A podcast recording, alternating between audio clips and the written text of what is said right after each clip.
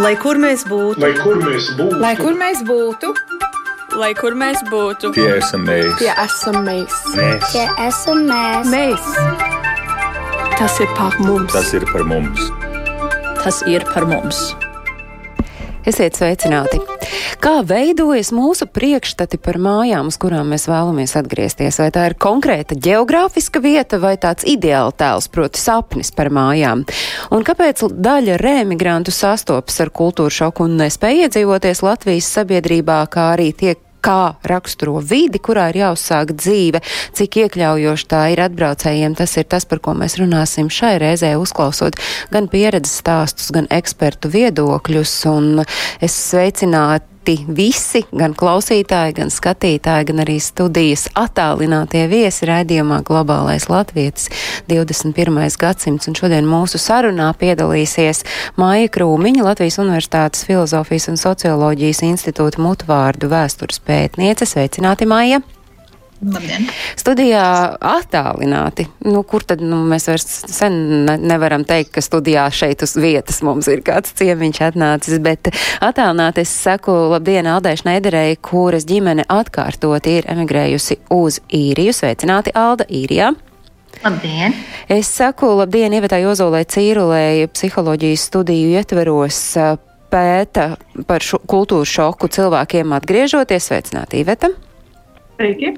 Un labdien, saku Jānim Grantam, sporta psihologam, kuram atgriešanās Latvijā ir bijusi ar diviem piegājieniem, viens 90. bet viens 2000. gadu jau pēc 2010. gada, precīzi runājot 2012. Sveicināti Jāni! Sveiki. Es atgādinu, ka šis ir raidījums, kuru jūs varat ne tikai klausīties ra Latvijas radio viens viļņos, bet jūs varat arī sekot līdzi dzīvajai bildei, un to jūs varat darīt vai nu ieejot Latvijas radio viens mājaslapā, vai arī izmantojot radio YouTube kontu. Jāni, jūs pa divi lāgi atgriezies esat Latvijā. Tā pirmā reize bija 90.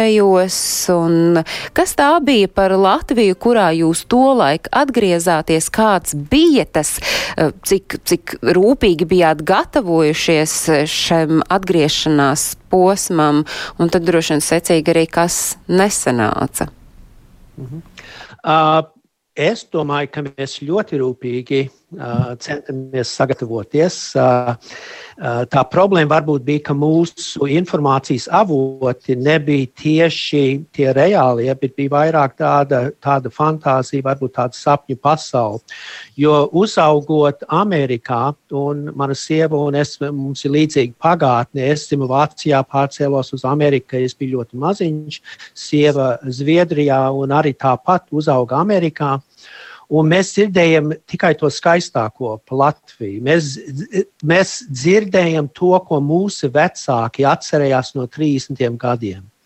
Un ka nekur pasaulē nebija skaistāka, jaukāka vieta. Un tad braucot kā turists, un es biju trīs reizes atbraucis kā turists, man liekas, ka mēs arī to īsto garšu nesagaršojam, jo viss bija izkārtots. Mums rādi bija tik pretīm nākoši, viņi bija tik mīļi. Uh, mēs jutamies tā, kā mēs esam, jā, patiešām tādā zemē, pa kuru mums stāstīja mūsu vecāki.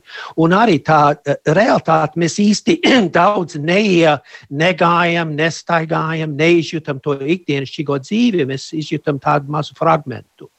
Un tad uh, 94. gadā mana sieva Liene un es un uh, mūsu dēli, kuriem tajā laikā bija 6 un 10 gadi, mēs pārcēlāmies uz Latviju kopā ar Lienas mammu.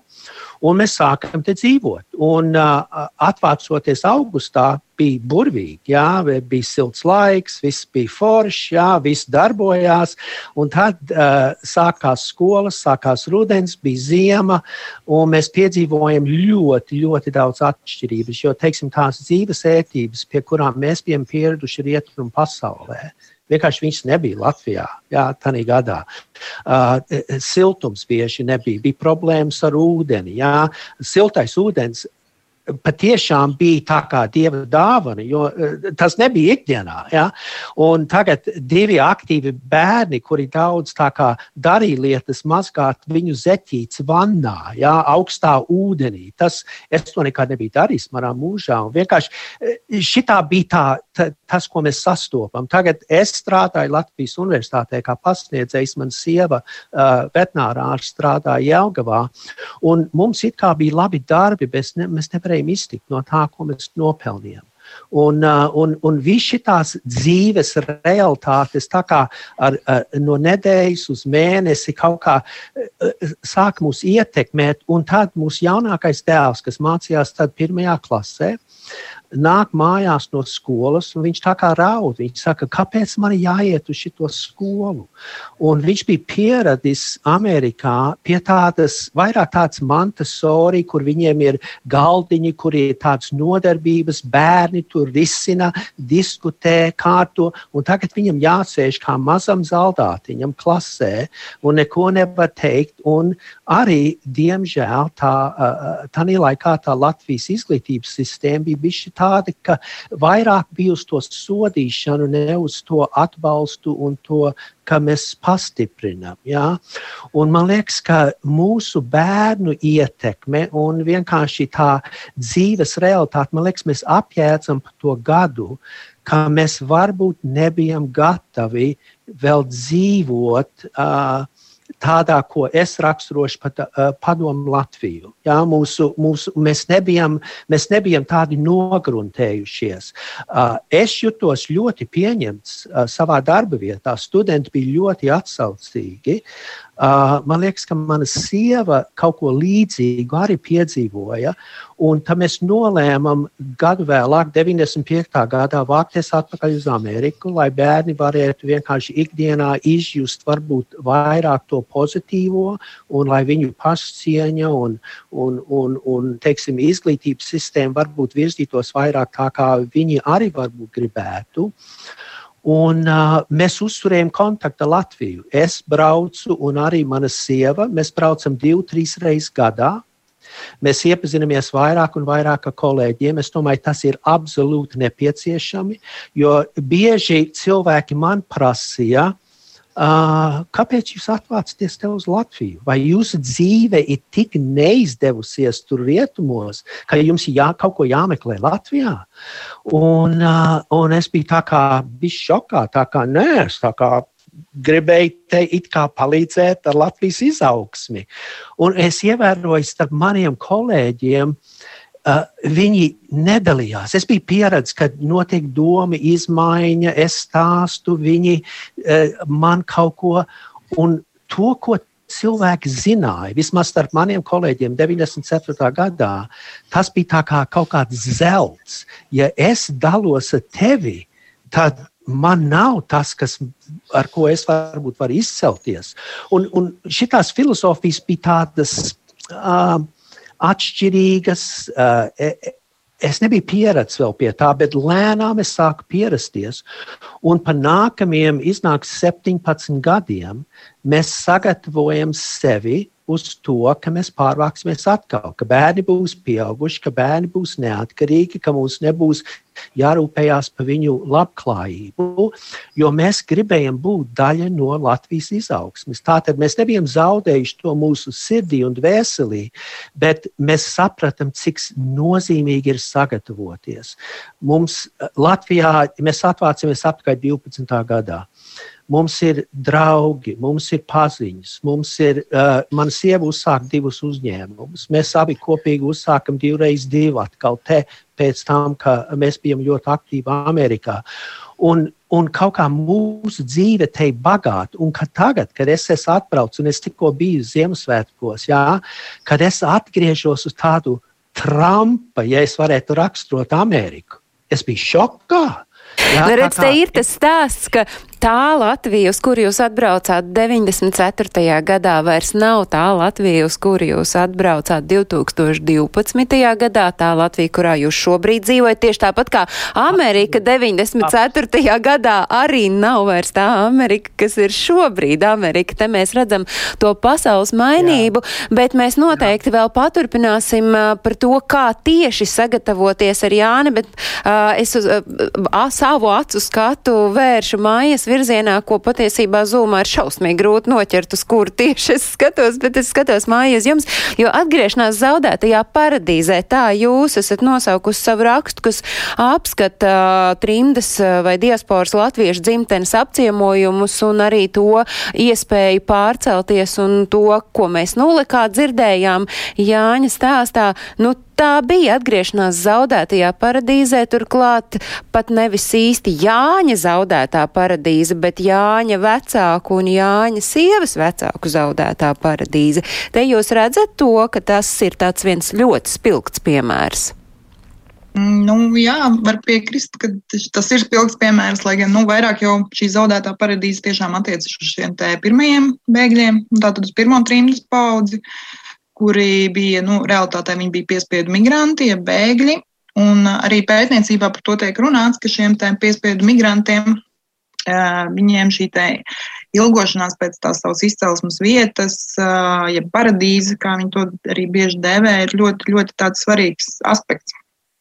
Un, un, un arī, piemēram, nu, arī šie Latvijas bēgļi, pēc tam trimdnieki, jau visi bija šie piespiedu bēgļi, kas eh, piespiedu migranti, kas nonāca rietumos kara dēļ, arī bieži gūstot tādu traumatisku pieredzi savā ceļā. Eh, bet, kā ir norādīts literatūrā, tad ne jau šī trauma vieno bēgļus, bet viņas vieno tieši šis māju zaudējums. Un, un kas ir ne tikai tāda fiziska pieredze, bet tā ir arī tāda ļoti psiholoģiska pieredze. Un tam ir tāda liela nozīme, tāpēc, ka uh, Mājas liekas tāds vienkāršs termins, ko mēs visi saprotam, ne, bet nu, tas īstenībā ietver sevī ļoti daudz dažādus elementus. Un tā nav tikai ēka vai vieta, tā nav arī valsts. Bet tā ir, nu, tas iemieso sevī vispār piederību, intimitāti, drošību, savstarpējās attiecības un vispārējo.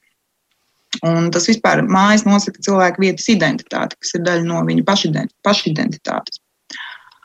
Un, un līdz ar to, tad, kad tās mājas tiek zaudētas, kā tas notika trimdnieku gadījumā, tad arī tiek iedragāta šī identitāte. Un, un tad arī var rasties tāds stāvoklis, ko, ko literatūrā arī dēvē piemēram par nostalģisko dezorientāciju, kas sevī nu, tā paskaidrojot, tas nozīmē to, ka cilvēkos paliek tāda dziļa plaisas, jeb tukšuma izjūta. Nu, kaut kā iztrūkums viņos ir nemitīgs, kas nepazūd ar laiku turklāt. Tas arī var radot, radīt cilvēkos tādu zināmu sastingumu. Uh, nu jā, tas, tas ir tieši par trimdniekiem, varbūt vairāk, bet nu, vispār jau migrācija kā tāda, gan piespiedu, gan brīvprātīgā, teiksim, ekonomiskā, tā visa sevī ietver šo te, tādu polaritāti starp mājām un starp prombūtni. Un arī to nenoteiktību, vai ir iespējams atgriezties mājās vispār, vai arī tas vispār nav iespējams, kā piemēram tas bija trims gadījumā. Un tāpēc arī bieži vien šīs mājas, un ar mājām es saprotu tiešām arī varbūt vairāk valsti, Latviju šajā gadījumā, tad tā kļūst par šo migrantu izjūtām, tā kļūst par tādu kā svētvietu, kas, nu, kas dod viņiem tādu dzinējspēku, lai saglabātu savu identitāti vispār.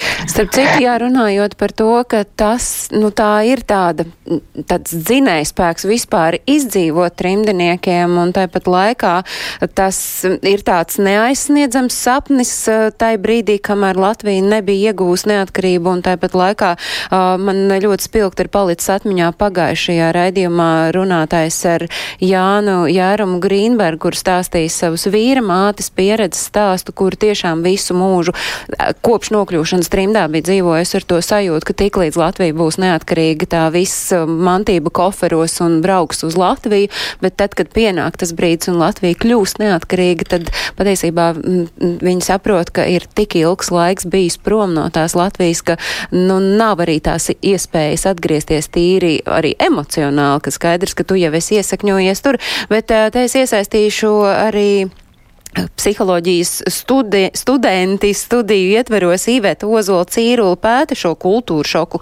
kas ir cilvēkiem atgriežoties. Jāņa piemērs arī Īvet no jūsu skatu punktu raugot ļoti spilgts, vai ne? Es pat gribētu teikt, ļoti klasisks piemērs, jo viņš iziet cauri visiem šiem adaptācijas etapiem. Kā sākumā Jānis minēja, kad bija medus mēneša sajūta, kas ir pirmais etaps, pēc tam otrajā ir nu, latviešu, viņa dēvē kā pārunas, Bet būtībā tas ir regresijas posms, kam iziet cauri, un uh, pēc tam sākas trešais posms, pielāgošanās stadija, ko man liekas, Jānis ļoti spēr piezīmē, kā viņi gatavojās otram posmam, un tad, nu, ceturtais ir tāds master līmenis, kur, uh, nu, ir notikuši adaptācija, ko mēs droši vien varam teikt, ka tas ir šobrīd, kas ir noticis. Un uh, vēl ma maza tāda nians, ko es gribēju uh, pieminēt visa šī sakarā, ir um, pētot literatūru, kultūra šoku izjūt cilvēki, kas ir bijuši prom pat tikai trīs līdz sešus mēnešus. Tad iedomāsimies, kā tas izskatās 50 gadu griezumā. Jā. Nu, Aldi, jūsu piemēru tagad gribētu dzirdēt. Es atradu interviju ar jums 2012. gadā. Tas bija laikrakstam diena. Jūs jau bijāt, ja nekļūdos, sešus gadus uz to brīdi nodzīvojuši īrijā, Jā. un jūs stāstījāt, kā jūs gatavojaties atgriezties. Jūs intervijā teicāt, ka nevarat izstāstīt, cik ļoti man gribas mājās Latvijā. Jā, es zinu, ka tur nav tāda ekonomiskā situācija, kā te runājot par īriju, būs jācīnās vairāk, bet tur tu esi savējais, es nejūtos piederīga īrijai. Turklāt jūs paskaidrojāt, ka jums pietrīkst, pietrūks arī Latvijas kultūras dzīves, teātra, kora. Pēc šiem vārdiem, ko jūs teicāt 2012. gadā, 2015. gadā jūs atbraucāt uz Latviju ar domu, ka jūs atgriežaties. Vai jūs varat ieskicēt, kas bija tas, kāda Latvija jūs sagaidīja toreiz, un kas uh, bija tas, kas savukārt lika pēcāk pieņemt lēmumu, ka jūs tomēr atgriežaties atpakaļ īrijā? Jā, man līdzīgi jāsaka, kā Jānim arī bija. Jā, es nezinu, vai tas ir vainīgs 94. vai 2012. gads, jā, bet, bet tiešām es tiešām eh, likās, ka eh, tas stāsts ir par mūsu ģimeni. Ja? Mums bija līdzīga situācija gan ikdienas dzīvē, ja? gan, gan vis, vispār kopumā. Ja? Mums bija uh, rozā brīļu posms, ja? kad, kad likās, es esmu laimīga no tā, kad es elpoju Latvijas gaismu, gaisu un, un daba brīnišķīga un viss. Un, un tiešām tā ikdienišķā puse tika palikt, nolikta malā. Jā, bet uh, paiet laiks, jā, un um, paiet laiks, un tu sāc domāt, jā, vai tev pietiek tikai ar to. Un, un tas, ka es zināju, kāda ir teiksim, ikdiena šeit, Dublinā, ja, tad, tad loģiski mēs apsvērām iespēju un atbraucām atpakaļ. Man negribās atkārtoties, jo tiešām tas viss, ko teica Jānis, tā līdzīgi arī bija mums. Ja. Nezinu, varbūt pēc kāda laika mēs arī atgriezīsimies. Man ir prieks, ka ir kāds piemērs, kad ir vēl reiz eh, kāds atgriezies ja, pēc laika. Varbūt, jo, jo mēs tiešām dzīvojam ar, ar eh, savu zemīti sirdī. Uh, Un, un, un, un tā, bet tā ikdiena tomēr ņēma virsroku un mēs atgriezāmies. Jā, un... nu, proti, tad tādas ikdienas nebūšanas, m, apkārtējās sabiedrības nepieņemšana, varbūt tomēr varat mazliet precīzāk, jo tas, ko Jānis stāstīja, ka bija augstā ūdenī jāmazgā bērniem zeķis 2012. iespējams tas varēja nebūt jā. viens no galvenajiem argumentiem, kāpēc jūs aizbraucāt atpakaļ atpakaļ? Jā, nu, man personīgi likās, ka es esmu savādāka. Jā, man īsti nelikās, ka es esmu latvieta vairs. Jā, man likās, ka jau es esmu kā, nu, teiksim, no ārzemēm. Un atbraucot arī šeit, man liekas, ka es neesmu īsti piederīga arī īrijai. Jā. Un, nezinu, vienkārši man likās, ka Cilvēki varbūt ir savādāk, varbūt jā, mums augstais ūdens nebija problēma, mums bija siltais ūdens, mums bija brīnišķīgi tiešām arī tuvinieki, kas mūs atbalstīja visā, bet tā ikdiena, tu tiešām vērtē, vai, vai teiksim, ārzemēs dzīvojot nebija labāka. Ja? Un, uh, jā, nevar teikt, ka bija tās um, teiksim, problēmas ar, ar kaut kādām mazām lietām, bet um, tomēr varbūt tāpēc, ka mana ģimene bija šeit, ja, un, Un uh, mana mamma un mana māsa, jā, tādēļ mēs noslēdzāmies par atgriešanos atpakaļ. Man arī, teiksim, es gāju arī Latvijā korī. Un, tāpat centos būt aktīva un iesaistīties visās lietās, bet arī esot korī, man likās, ka es neesmu īsti piederīga Latvijai. Es nezinu, vai bija tā sajūta, ka tu esi tā kā nodevis kādu laiku savu dzimteni.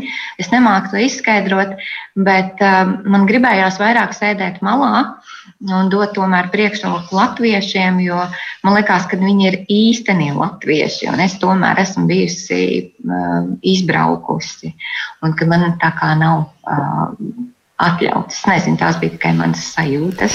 Es pieķeršos Aldas teiktajam vārdam piederība, vai Ivetai vai Maijai ir ko piebilst par šo.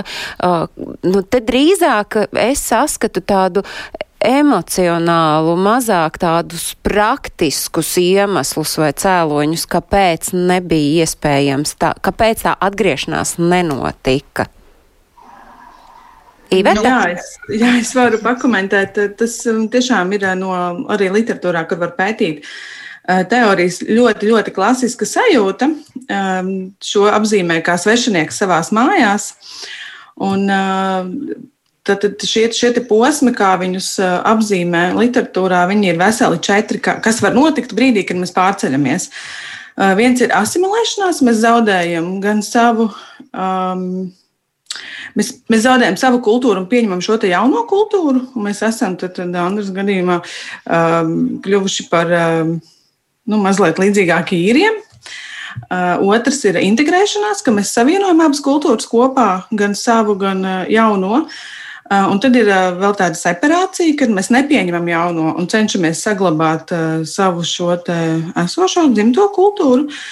Un ceturtā ir šī jocīgā, viņu sauc par marginalizāciju, un es teiktu, tas mazliet varbūt par skaļu vārds ir, kad mēs nevaram pieņemt ne jauno, bet tāpat laikā mēs pazaudējam arī savu esošo.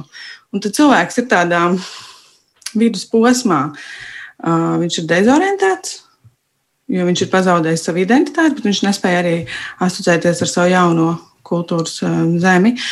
Un, eh, un, un tas rada šo gan stresu, gan trauksmi, gan depresiju, jo tās zināmās zīmes un uh, simbolus mēs esam pazaudējuši. Bet šī pazīstamā vide, tā automātiskā vide, kultūra, pie kā mēs esam pieraduši, viņi mums rada drošības sajūtu.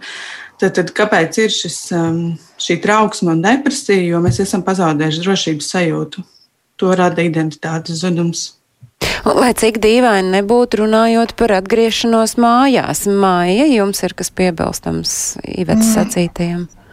Jā, es varu uh, balstīties vienā pētījumā, kas uh, arī tieši par šiem trim latviešiem, uh, kāpēc viņi neatgriezās. Un tas gan vairāk arī par situāciju 90. gados, varbūt 2000. gadu sākumā, bet tur arī tika izdalīts, ka nu, pirmkārt bija šie praktiskie iemesli, kad uh, nav vairs Latvijā šo radinieku draugu palikuši, līdz ar to nu, nav tāds pamats, pie kā atgriezties. Uh, vēl ir tas, ka, nu, ka bērni un mazbērni, protams, paliek paliek tur, tajā pusē, un tad negribās viņus atstāt.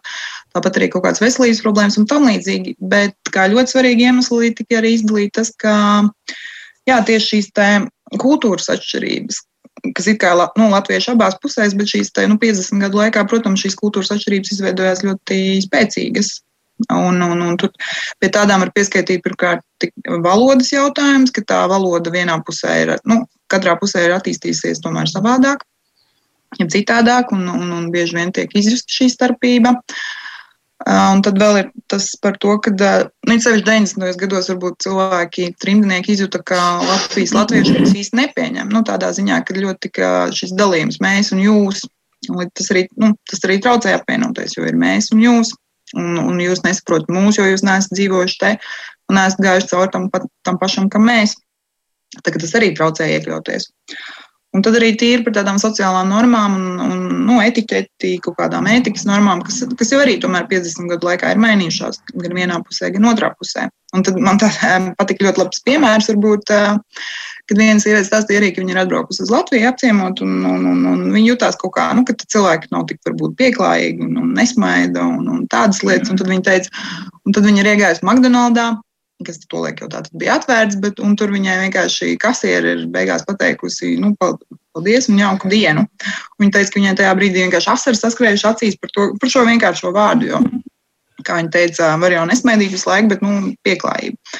Tā kā nu, tāda sīkuma, bet nu, jā, kas viss arī veido to fonu. Nu, protams, tagad mūsdienās man šeit arī Latvijas latvieši, protams, ir mainījušies, varbūt piemērojušies citām rietumu kultūras vērtībām un tā, bet uh, tomēr tās ir atšķirības, kas arī traucējām. Alda, runājot tajā, ko mēs nolūkām mājas, mājas stāstītajā, ko es saklausīju, tas mēs un jūs, un pēc tam arī Jānim jautāšu tajā 94. un tad 2012. Jums, Alda, atbraucot, bija tas mēs un jūs, un tas Jā. arī bija viens. Un, Jā. Bet, bet, nu, bet kāpēc? Un uh, droši vien, ka tie bija arī tādi cilvēki, kuriem jūs varējāt droši uzprasīt, nu, kāpēc tu tā saki, vai, vai jūs, nezinu, devāt viņiem manīt, ka, ka jūs, nu, ka tas varbūt nav gluži tāds veiksmīgākais sagaidīšanas veids. Nē, nu, tas, tas tā nav runa par tuviniekiem, jo tuvinieki, protams, mūs gaida vienmēr un, un, un, un gaidīs. Bet uh, tieši teiksim, nu, kaut vai darba vietā, ja, vai vienalga, kur, kur es arī parādījos, ja, tad bija šis jautājums, tāpat kā Jānim, ja, kāpēc tu atgriezies, kāpēc tu nepaliki tur, tur taču ir labāk. Jā, bet um, tā sajūta, jā, mēs un jūs, jā, un kad bija tas posms, kad bija šī ekonomiskā krīze 2008. un 2009. gadā, jā, kad tad mēs nebijām Latvijā, jā, un, un jūs bijāt aizbēguši, jā, un tagad jūs atgriezāties un gribat, lai mēs jūs sagaidām ar ovācijām, jā, nu, tā nav.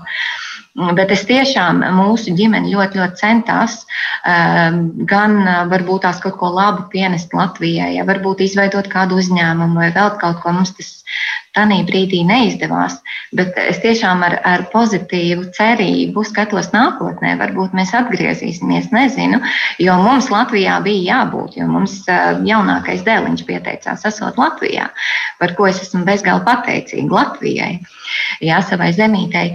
Un, jā, tā tam bija jānotiek. Un šobrīd, protams, nevaru teikt, bet nākotnē, nākotnē iespējams mēs atgriezīsimies. Nemāku teikt.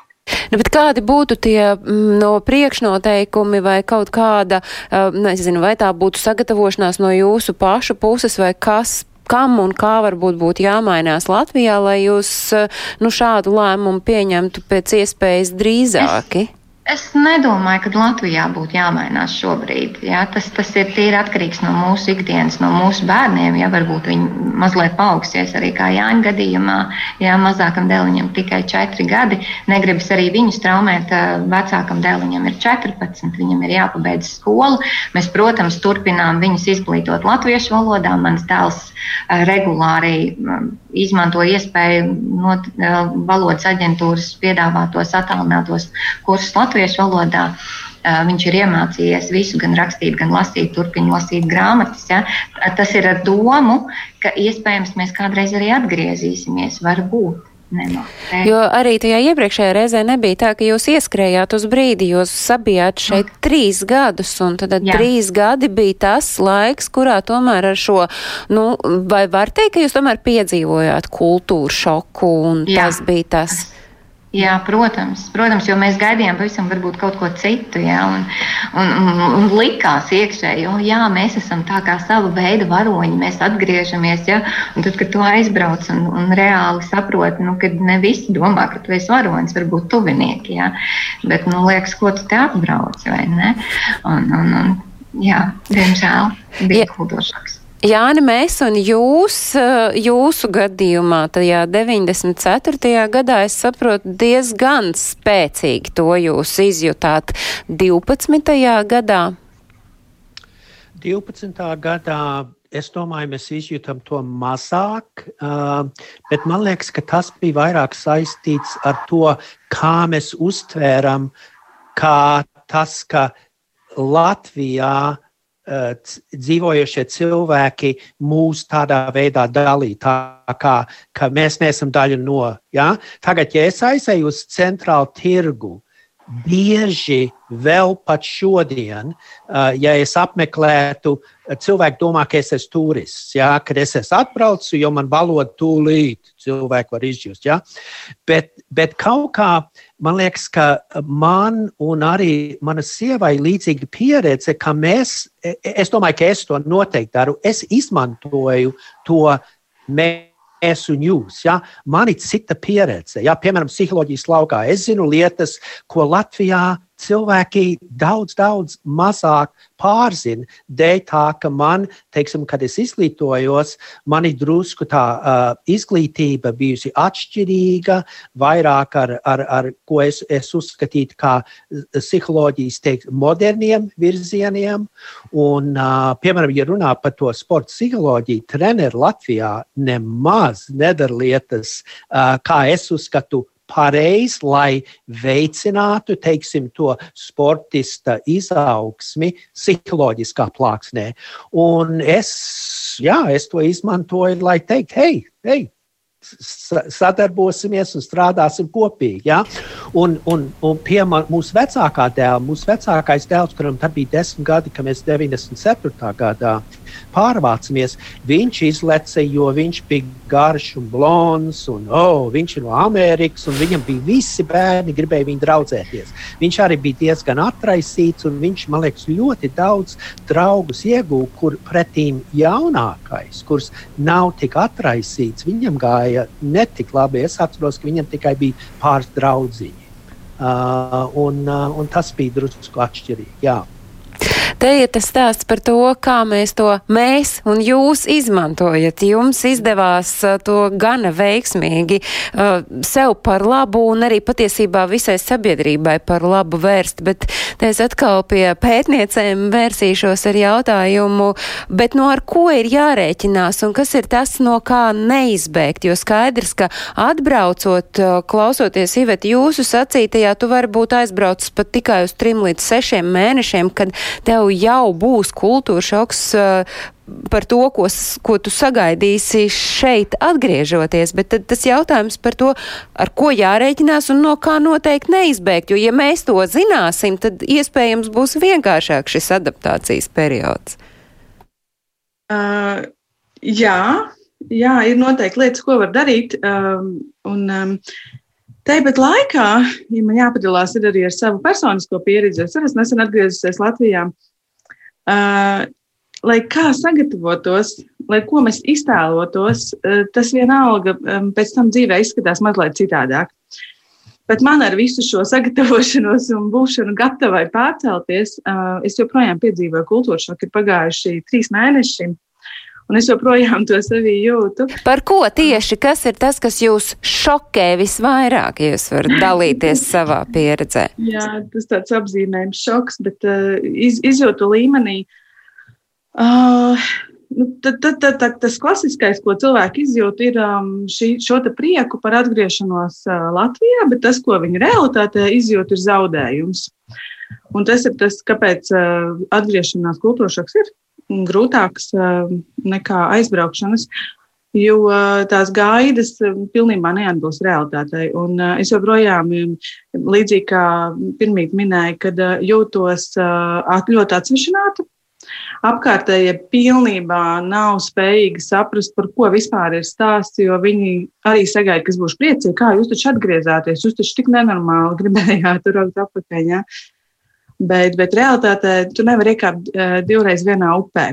Un, gan mēs esam mainījušies, gan Latvija ir mainījusies. Un, nu, tas, ir, tas ir kaut kas, kam tu nevari sagatavoties, un tev vienkārši atkal ir jāiet visiem posmiem cauri, visam medus mēnesim, rozā brillēm, pēc tam regresijai, un atkal pamazām, kamēr tu pielāgojies, un, un, un atkal jūties labi. Un, tas vienkārši, manuprāt, ir jāpieņem kā fakts, kā process, ka viņš būs. Un, uh, man liekas, ka uh, tie, kas to zina un saprot, ka tās rozā brīvības sākumā ir tāds ļoti mānīgs posms, un kas sekos pēc tam. Un, um, arī jābūt gatavam šim zaudējumam, jo tā sajūta neizbēgami atnāks, un, un, un vienam viņa būs lielāka, un citam viņa būs mazāka. Un, uh, Jā, es, es domāju, ka pašā sākumā, Agnēs, jūs minējāt, ka ir svarīgi braukt uz Latviju, saglabāt šo saikni. Tas noteikti palīdz, jo ierasties pēc desmit gadiem, un ja tu nevienu reizi neesi bijis, noteikti būs milzīgs šoks. Uh, arī ja izskanēja iepriekš sagatavot bērnus, ka viņi tomēr māca latviešu valodu, un viņiem šeit ir draugi, ģimene, un viņi visu kaut ko zina. Un, nu, tās ir tādas, man liekas, um, pamatlietas, ko, ko var darīt, lai mazinātu. Un, um, jā, jā, ģimene būs tā, kas pieņems, bet tā, tā apkārtējā vide būs, būs tas, kas būs mazliet sarežģītāks. Piemēram, no savas personiskās pieredzes draugu, varu teikt, ka man liekas, sarežģītākā tēma ir draugi. kad kad tev liekas, ka atbrauks atpakaļ, un tad tu tā hops ieliks turpat atpakaļ, kur tu biji, un atkal ar visiem varēsi draudzēties, bet īstenībā tu esi tik ļoti izmainījies, kad tev šīs draudzības varbūt pat vairs, nu, Jā, nav aktuāls. Un tad, tāpēc par, runā par atgriešanās kultūras šoku, jo tev īstenībā tas ir kā pārcelties tomēr uz jaunu valsti, mm. nevis atgriezties. Tev ir jādara viss, kā tu būtu pārcēlies prom no, prom no mājām. Tad, tad arī šeit jauni draugi īstenībā ir daudz aktuālāki nekā vecie. Un uh, vis, visas uh, lietas, ko, ko mēs šobrīd darām, tas nav tā kā atlikt atpakaļ, kur mēs aizbraucām, bet īstenībā sākt visu no sākuma. Un ar šādu pieeju droši vien tā, tas, tā veiksmes atslēga ir mūsu pašu rokās, nu, ka mēs neliekam. Nu, skaidrs, kaut kāds rozā brīļu periods droši vien būs viena alga, bet jebkurā gadījumā būt sagatavotam visiem šiem posmiem, tas droši vien pašiem iedod tādu labāku sajūtu tikt ar to visu galā. Bet jums, Jāna, bija tas otrais sagatavošanās periods, 17 gadu ilgumā. Nu, jūs varat atklāt, kas ir tas, ko jūs redzat, uh, kas ir tā veiksme un kas viena auga, es saprotu, nu negarantē to, ka arī, arī tāda rūpīga un ilgtermiņa gatavošanās uh, nodrošinās to, ka jūs jutīsieties komfortabli vienalga. Nu, tā atgriešanās nav vienkārša arī tad, ja tu esi ļoti rūpīgi gatavojies. Tas ir, es saprotu, arī jūsu stāsts tomēr. Jā, mums bija plāns tādā ziņā, ka mēs ļoti gribējām nogruntēt un attīstīt mūsu profesionālās attiecības, uh, gan sieva, gan es. Uh, lai mēs saprastu tieši mūsu lomu mūsu profesijās, un ka mēs izjūtam, ka ja mēs, lai mēs izjustu to, ka mēs uh, tā kā varam kaut ko nozīmīgu te Latvijā darīt. Es domāju, ja cilvēks atbrauc un viņam nav darbs, kas viņu tā kā apmierina, man liekas, tas ir liels mīnus. Jā, jā draugi ir, ir nozīmīgi, bet es pavadu vairāk laiku strādājot katru dienu, kā es pavadu ar saviem draugiem. Un tā tad tur ir jābūt kaut kam, kas, kas man palīdz uh, uh, justies ļoti, ļoti labi. Otrs ir, mēs sistemātiski izgudrojam, kur mēs dzīvosim, kas ir tās priekšrocības. Piemēram, mēs dzīvojam centrā, uh, kur mēs tieši gribējam, un tā mēs atradām. Mēs meklējam gadiem vietu, kur mēs tā kā dzīvosim. Mēs nopirkam zemīti, teiksim, laukos, lai mums būtu arī uh, tāda vieta. Ja? Un, un mēs to visu uh, darījām, un arī strādājot Amerikā, mēs varējām pelnīt pietiekamu naudu, lai mēs varētu pārvest to naudu te un nopirkt tās lietas, kuras mums bija nozīmīgas, kas mums palīdzēja justies labāk. Uh, un, un arī mēs, mēs tā kā ar, ar saviem Latvijas vienaudžiem. Man nekas nav kopīgs, es izjūtu. Es uzaugu pilnīgi citā pasaulē. Man nav par ko runāt. Es domāju, pensionāri Latvijā viņiem bieži ir maz līdzekļu. Uh, man, man tas ir atšķirīgi. Man nāk uh, pensija no Amerikas, jā, kas ir droši vien vairāk kā cilvēks, kas diezgan labi pelna te. Un, un tas ļoti palīdz, ka mēs neesam atkarīgi no kaut kā, lai iztiktu ikdienā. Jā. Un uh, visas tās lietas bija sistemātiski izplānotas, uh, arī mūsu teiksim, kontakti. Mēs, uh, atjaunojam divreiz divu kustību te Latvijā. Ja? Un mēs satiekam visādus brīnišķīgus, uh, gaišus, spējīgus, jaunus cilvēkus, kuri grib iesaistīties. Mums ir vesela, uh, tā kā pilnīgi atšķirīga draugu grupa kas mums tik daudz dot un kuram mēs arī varam kaut ko tādu. Tās attiecības ir, ir uz abiem virzieniem.